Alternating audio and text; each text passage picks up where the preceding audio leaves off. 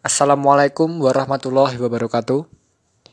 Di episode 3 kali ini saya ingin hmm, memberikan sebuah informasi yang uh, boleh saudara percayai atau tidak itu hak saudara, tapi saya hanya ingin memberikan informasi saja ya. Informasi ini yaitu terkait uh, peristiwa corona dan peristiwa simpang siur yang terjadi uh, terhadap peristiwa corona belakangan ini. Dari mulai terbitnya atau munculnya peristiwa corona ini, sudah banyak orang-orang yang memiliki pandangan-pandangan berbeda mengenai peristiwa corona tersebut. Banyak yang tidak mempercayai pemerintah, banyak juga yang mempercayai pemerintah, banyak juga yang mereka-mereka ini mempercayai teori konspirasi di balik corona. Banyak juga yang mereka tidak mempercayai teori konspirasi di balik corona. Ada yang percaya dan tidak percaya. Jadi bagaimana cara kita menyikapi sebaiknya ya dalam situasi corona seperti ini? Jadi begini. Dalam situasi corona seperti ini dan dalam uh, era modern saat ini itu banyak informasi-informasi yang berterbangan yang berterbangan di media massa ya karena informasi itu sangat gampang didapatkan ya. Banyak sekali konten atau informasi-informasi yang berterbangan di media massa yang dapat kita ambil dari berbagai sumber. Namun harus kita ketahui atau garis bawahi informasi-informasi yang berterbangan tersebut belum tentu benar adanya. Kebenaran informasi-informasi tersebut masih harus kita gali lebih dalam, harus masih harus kita cari tahu kebenarannya lebih dalam dengan informasi-informasi yang lainnya. Kita harus perbandingkan informasi-informasi yang ada yang ada di kalayak sekarang ini. Kita harus membandingkan antara informasi yang satu dengan informasi yang lain dan atas pemahaman idealisme kita sendiri gitu. Jadi uh, sebaiknya ya pada saat pandemi corona seperti ini itu kita jangan mudah terpengaruh dengan informasi mana pun ya.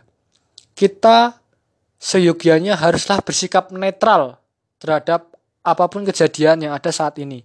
Jadi bersikap netral itu bukannya bersikap tidak memilih mana pun atau bersikap tidak tahu ya atau bingung, tapi bersikap netral itu adalah sebuah pilihan yang netral yang tidak memihak uh, sebuah informasi mana pun agar kita jauh lebih lebih tidak mudah terprovokasi ke dalam isu-isu ataupun masalah-masalah informasi yang itu merupakan informasi-informasi yang belum tentu benar adanya.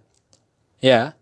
Jadi sekarang ini kan era modern. Informasi itu sangat banyak sekali berterbangan di media massa di mana pun itu berada dan bisa kita jangkau secara mudah.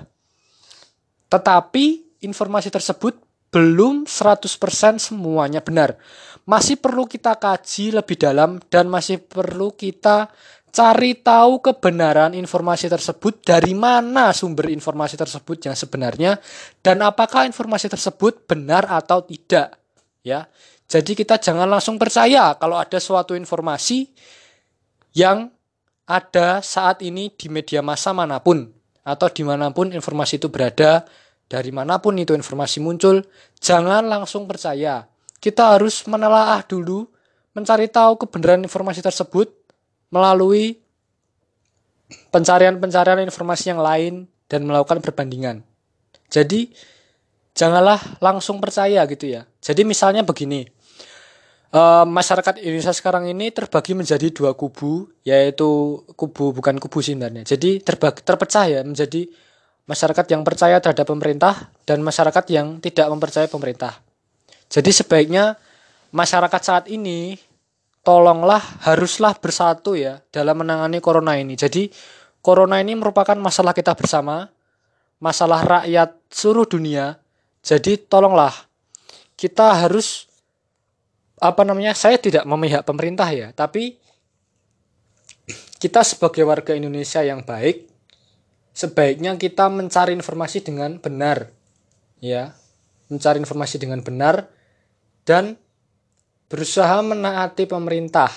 Oke, berusaha menaati pemerintah dan apabila kita ada yang tidak cocok dengan apa namanya kebijakan pemerintah, ya tidak apa-apa. Tapi jangan jangan apa ya namanya jangan membuat hal-hal yang tidak baik yang mempengaruhi orang-orang lainnya ya sekarang ini telah berkembang banyak sekali teori-teori konspirasi terkait corona. Ya tak ya anda sendiri bisa searching itu teori konspirasi itu apa saja terkait corona. Nah menanggapi teori-teori konspirasi tentang corona ini sebenarnya ini sebaiknya kita hentikan dahulu lah pencarian teori konspirasi tentang corona ini. Karena apa? Karena itu tidak ada manfaatnya sama sekali terhadap diri kita sendiri maupun terhadap diri kita untuk menangani corona saat ini gitu loh.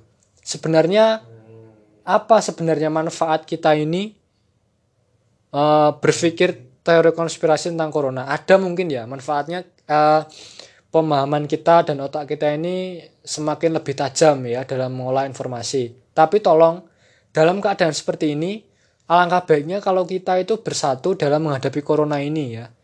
Jangan malah kita e, berusaha mencari-cari sebuah keris kericuhan atau sebuah permasalahan baru di balik pandemi corona ini. Jadi se seyogianya kita harus memilih informasi itu secara pelan-pelan dan jangan tergesa ya. Jadi informasi yang kita peroleh harus kita bandingkan dengan informasi lainnya agar kita dapat membedakan mana informasi yang benar dan mana informasi yang salah. Dan juga kita bandingkan dengan idealisme dan kepercayaan yang kita miliki. Dan dalam pandemi saat ini sebaiknya kita harus bersatu bersatu untuk memperkuat satu sama lain saudara-saudara kita yang bergerak sebagai tenaga medis dan saudara-saudara kita yang melaksanakan WFA dari rumah, work from home. Begitu, terima kasih kepada pendengar saya yang sebelumnya dan yang sekarang. Saya hanya ingin menyampaikan informasi ini. Apabila ada yang tidak berkenan, saya mohon maaf. Terima kasih.